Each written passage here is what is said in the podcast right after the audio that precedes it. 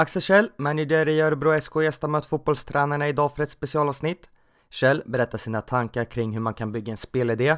Hur och vart börjar man? Hur mycket väger spelmaterialet in kontra sin egen fotbollsfilosofi? Hur många principer kan man använda sig av? Gäller alltid en princip oavsett formation? Vad påverkar ett formationsbyte? Hur implementerar man en spelidé på bästa sätt, både inom träning och teori? På slutet berättar Kjell om hur långt han känner att ÖSK kommer med sitt spel och vad som blir nästa steg 2020.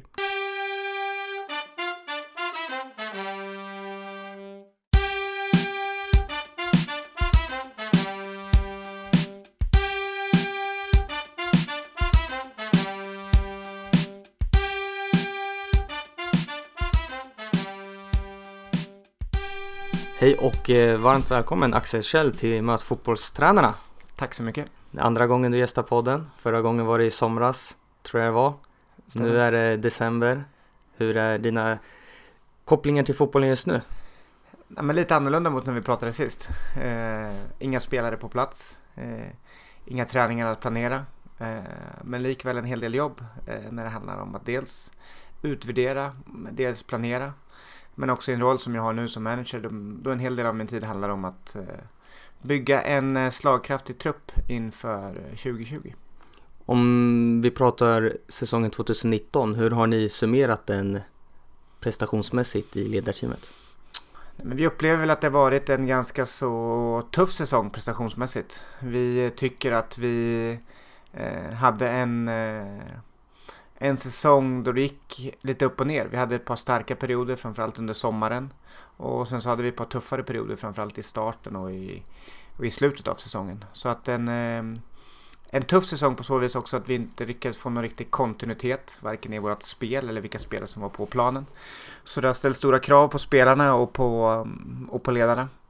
Samtidigt så, eh, om vi ska titta lite mer på resultat, så landar vi i en placering i, i tabellen som, är, som ändå är ganska så, mm, så trygg eh, ute med ÖSK mått mätt. Vi kom, vi kom nia, vi hade ambitioner om, om bättre, men vi hamnade i en ganska trygg placering och det säger väl en del om potentialen i den här gruppen och, och spelartruppen som vi haft i år. Att vi känner inte att, riktigt att det, att det har stämt men ändå så, så hamnar vi på en betryggande nionde plats. Så det på ett sätt så känns det lite frustrerande att vi inte kunde få ut mer för då tror jag att vi hade eh, kunnat hoppa upp ett par hål i tabellen men också eh, någonstans så, så får vi väl ändå vara, vara hyfsat nöjda med så som det blev.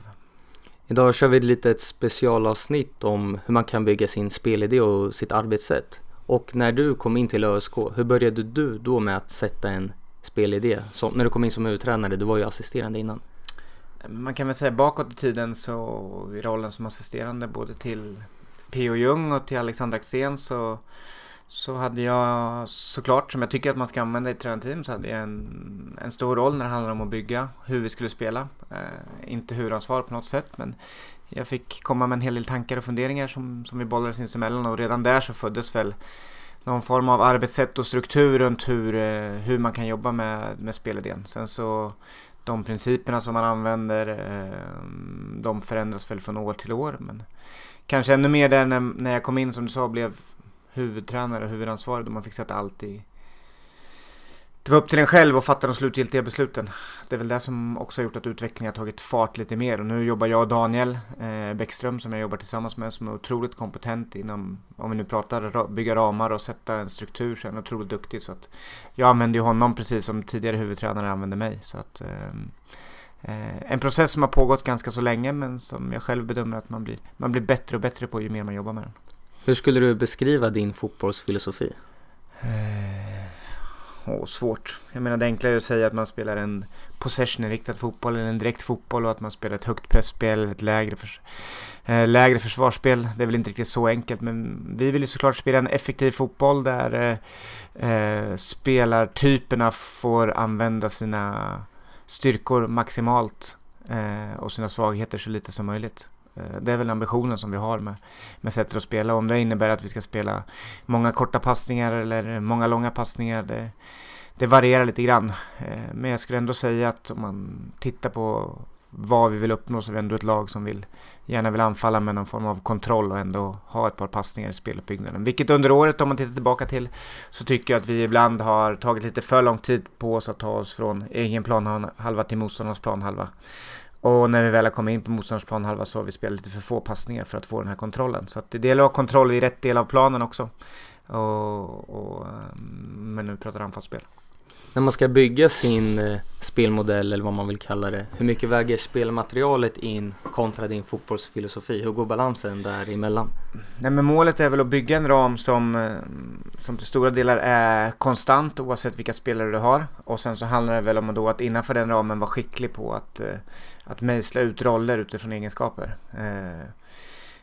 Det kan ju, om man pratar om en princip anfallsspel är väl kanske enklast att prata om. Pratar om en princip i anfallsspelet där vi väljer att, att eh, vi har som grundprincip att alltid spela med en spelare i yttre korridor, sällan med två utan med en spelare i yttre korridor. Så kan ju kvaliteten på ytterbacken styra om det är en ytterback eller en wingback som spelar yttre korridor eller om det ska vara en, en yttermittfältare och, och då ska en ytterback spela i den inre korridoren. Det är en klassisk som eh, skillnad där eh, utifrån kvalitet hos spelaren så, så får man sätta honom i den rollen som vi tror passar bäst.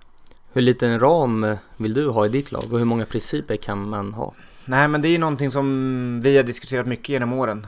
Eh, hur, hur många principer eh, kan man jobba med under ett år och göra det så tydligt som spelarna och inte, för, för spelarna som möjligt och inte göra det så och inte krångla till det. Man kan ju säga, å ena sidan kan man säga att ja, men ju fler principer vi har desto, desto mer vi kan gå, gå in i, i mindre detaljer och jobba med sub-sub-principer också.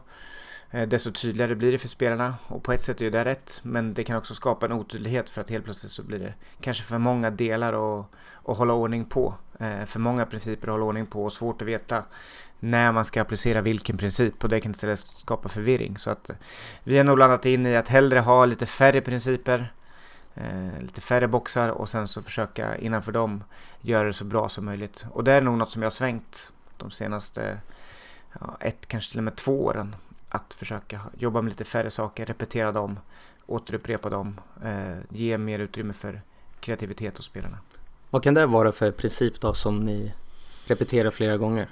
Eh, nej men vi har en princip som jag tror är ganska vanlig hos många lag men som är väldigt tydlig. Det är att vi vill så ofta som möjligt jobba med plus en i utgångsytan i anfallsspelet, vilket betyder att eh, motståndaren spelar med två forwards. Så vill vi gärna spela med eh, tre stycken spelare i utgångsytan framför dem. Eh, och då kan man ju välja att spela med två mittbackar och en målvakt. Alternativt spela med en målvakt och tre mittbackar. Då brukar vi säga att det blir plus en och en halv om man räknar målvakten som en halv beroende vart någonstans på planen man är. Så det är väl en sån princip eh, som är ganska så tydlig som vi försöker jobba med för att kunna ta, ta fram bollen med kontroll man vänder på det i, i försvarsspelet så jobbar vi mycket med att vi vill pressa i de yttre korridorerna. Um, och att det ska vara tydliga presssignaler för oss att när bollen går ut i yttre korridor så, så, ska, så ska det vara en signal till laget att försöka tvinga fram ett tillbakaspel och på ett tillbakaspel försöka lyfta laget. Det är väl två rätt så, så tydliga principer som vi, som vi försöker jobba med och som vi försöker applicera så, så mycket som möjligt. Vad kan en subprincip vara? Nej men en subprincip blir ju lite mer Eh, om vi pratar om att pressa i yttre korridor så blir det kanske lite mer den enskilda spelarens eh, eh, agerande. Där man kan prata om hastighet i press, man kan prata om pressvinklar, man kan prata om eh, kroppsställning, eh, lite olika delar. Eh, I, när vi pratar om speluppbyggnad så när vi väl har skapat 3 mot 2 så är det inte ett undan, eh, självändamål utan vi vill ta bollen framåt och då handlar det kanske om hur oh, våra yttre mittbackar, vi har spelat mycket med en trebackslinje, hur de då kan ta bollen förbi forwards när vi väl har lyckats få till en spelvändning. Eller hur vi kan, om de bara spelar med en forward, hur vi kan få en mittfältare rättvänd bakom motståndarens forwards. Så lite mer in på detaljnivå specifikt för, för spelaren. Så har vi resonerat i alla fall att en princip som eh, handlar lite, eh, lite större och sen så någon form av subprincip lite mer in i detalj för just den spelaren och den rollen. Är en princip något som alltid gäller oavsett formation? Eh, ja men det skulle jag säga. Att den är ju inte kopplad till formationen. Sen så hur man applicerar den eh, är ju det som kan styra. För oss när vi har spelat, om vi nu behåller oss till de här två principerna så, så om vi ska pressa yttre korridor så appliceras den ju olika om vi spelar med 3-4-3, om vi spelar 4-3. Eh, den appliceras också lite olika om motståndaren spelar med en eller två spelare i sin yttre korridor. Om vi möter lag som spelar 3-4-3, likadant som vi gör, så blir det på ett visst sätt. Möter vi lag som spelar 4-3-3 med kanske både ytterback och yttermittfältare i yttre korridor så måste vi applicera den principen på ett annorlunda sätt. Så att eh, inte så mycket utifrån hur, hur formationen är. Ni har spelat med flera olika formationer under året. Hur har ni utvärderat att det fungerar liksom? Eh, jag tycker det var ett anfallsspel så tycker jag att det har varit en, eh, en styrka. Det som jag tycker har skilt lite i år jämfört med förra året, vilket kanske fick mig att tänka till lite grann, framförallt under hösten, är ju eh, att de har spelat med olika formationer i anfallsspel och försvarsspel.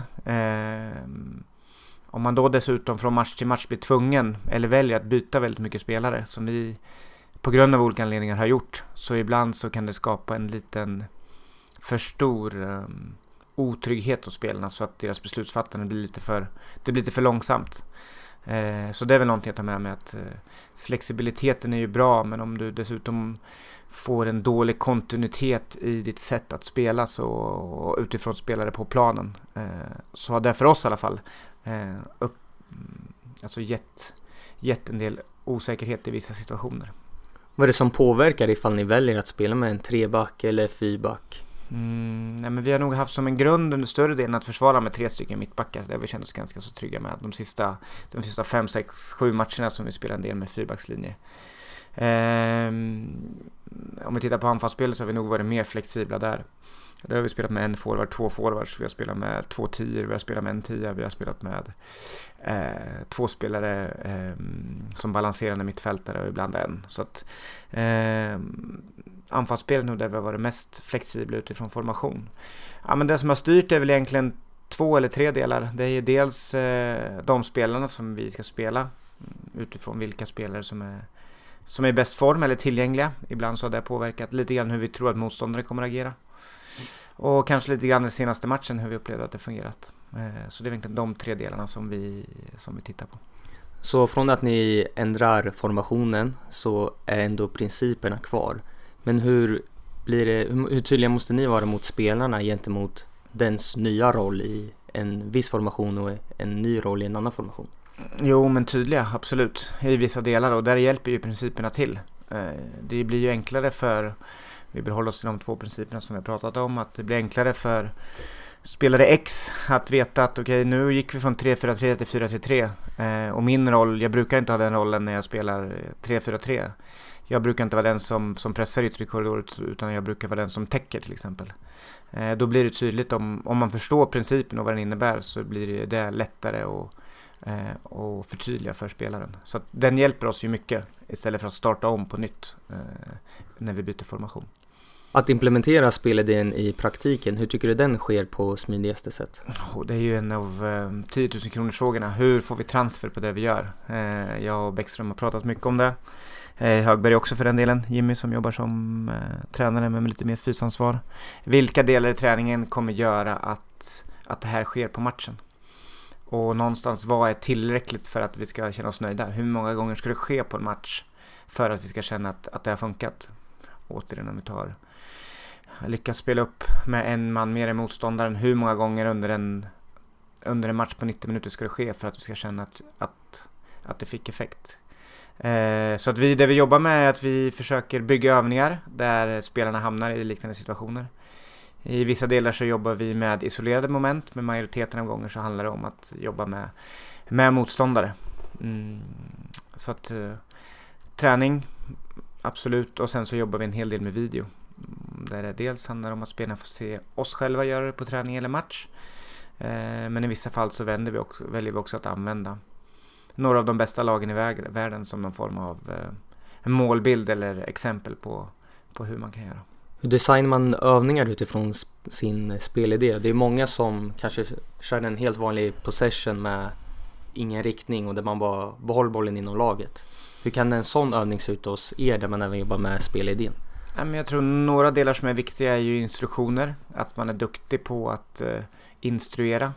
Eh, man kan ju med instruktioner och anvisningar eh, och trycka på vissa delar, eh, få spelarna att prioritera det. Det ena. Det andra är ju att bygga en riktning. En riktning förenklar ju mycket när man har en riktning. Man vet vilken sida man ska skydda och man vet vilken sida och åt vilket håll man ska spela bollen för att spela framåt eller bakåt eller sidled.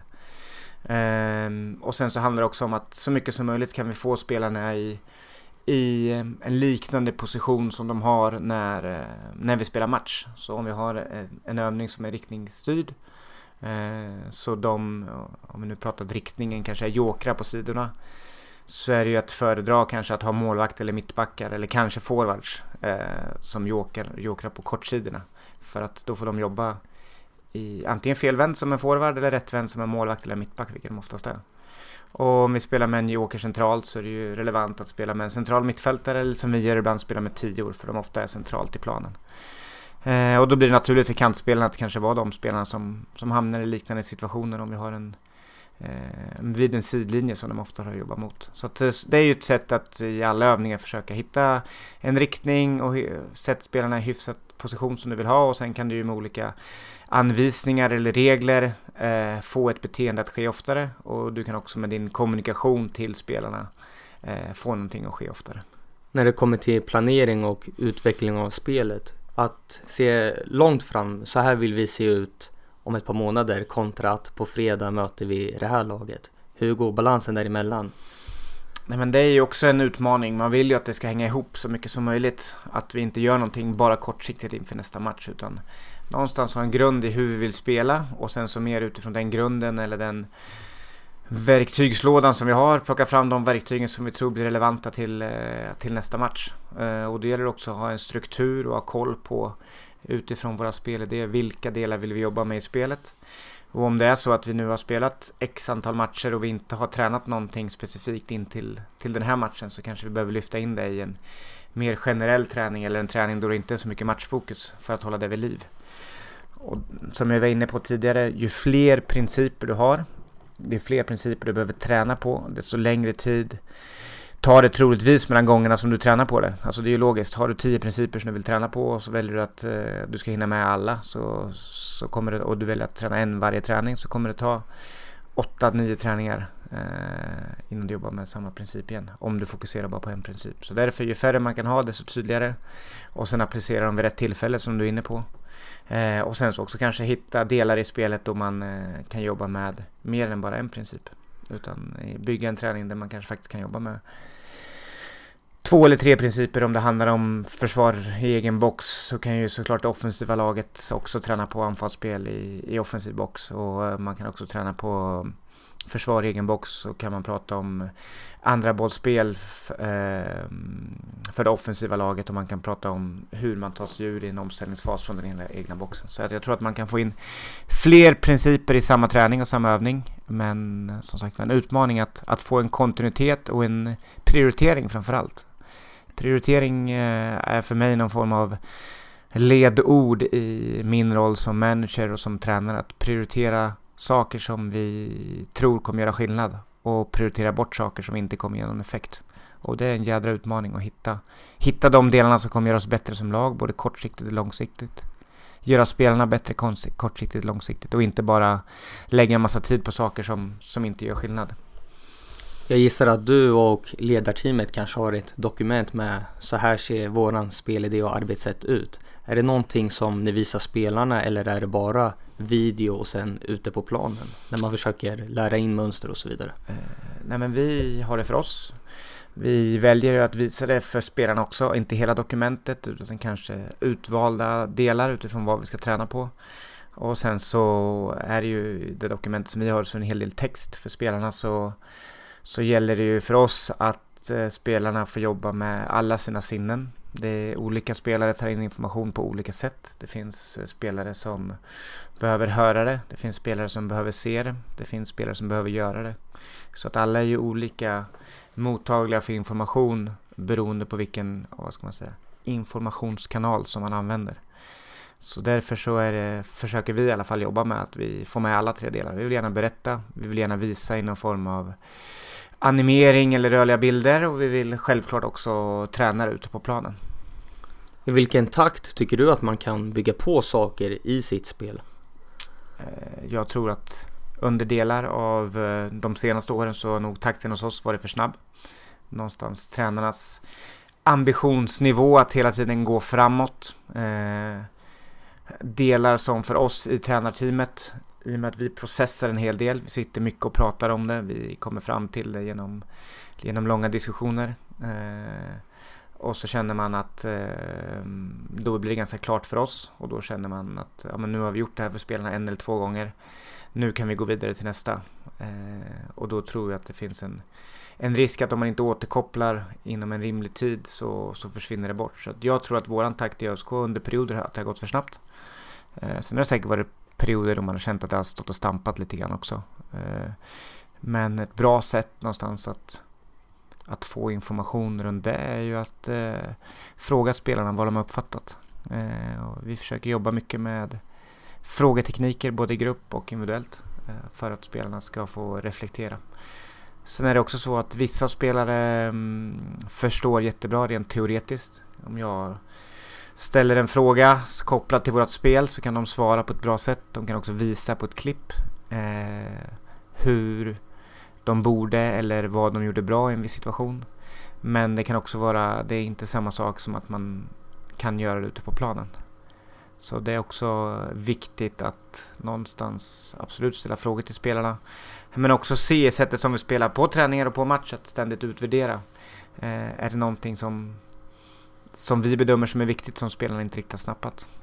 Kan du beskriva något exempel när det har gått alldeles för snabbt? Eh, nej men konkret så tror jag det handlar om att man eh, känner kanske att det är en hel del, att det är delar i spelet som inte har fungerat. Och då istället för att fokusera kanske och begränsa det till, till en sak, att ja, men vi nu ser vi till så att våran första press verkligen fungerar och sen så får andra sitta så kanske man jobbar med eh, man kanske jobbar med sin första press, man kanske jobbar med straffområdesförsvar och eh, man jobbar med sin offensiva omställning och man jobbar med även sin speluppbyggnad i, i samma träningspass för att man någonstans som tränare känner att, att det är många delar som inte fungerar i spelet. Och då försöker man hitta snabba vägar framåt vilket, eh, vilket sällan är bra. Det ena. Och det andra är ju ibland när, när det går väldigt bra och man liksom bara, man är i flowet och man känner att nu är gruppen i flowet, nu ska vi mata in så mycket som möjligt för nu är de väldigt mottagliga då ibland så, så kan det i överambitionen också bli lite rörligt. Så att ehm, eh, två, även om inte superkonkreta, men två utmaningar som vi har haft under min period här. Hur mycket känner du att ni har utvecklat i ÖSK under de åren som du har varit huvudtränare? Svårt att säga. Jag tycker att vi eh, inom vissa delar har tagit stora steg. Jag tycker att eh, om vi tittar på i år så tycker jag ändå att vi har fått med grupp öppen på ett annat sätt. Det kanske vi har blivit tvungna till i och med att det har varit mycket ut och in. Jag tycker att de, de yngre spelarna som har kommit in har, um, har varit väldigt medvetna och haft en stor förståelse för, för hur vi vill spela vår fotboll, vilket har gjort att de eh, har kommit in ganska så smidigt. Sen har det varit utmaningar för dem med allt det fysiska och tempot och så vidare. Men jag tycker mig ändå se hos de spelarna att de de vet ungefär hur de ska, hur de ska agera i vissa situationer. Eh, så det där är också svårt. Jag tycker att vi hade förra året så hade vi ett jättebra år när det handlade om försvarsspel fram till sista tre, fyra matcherna. I år så tycker jag vårt försvarsspel har, har varit svagt. Så på den biten kan man ju då känna att ah, men den har vi inte utvecklats alls.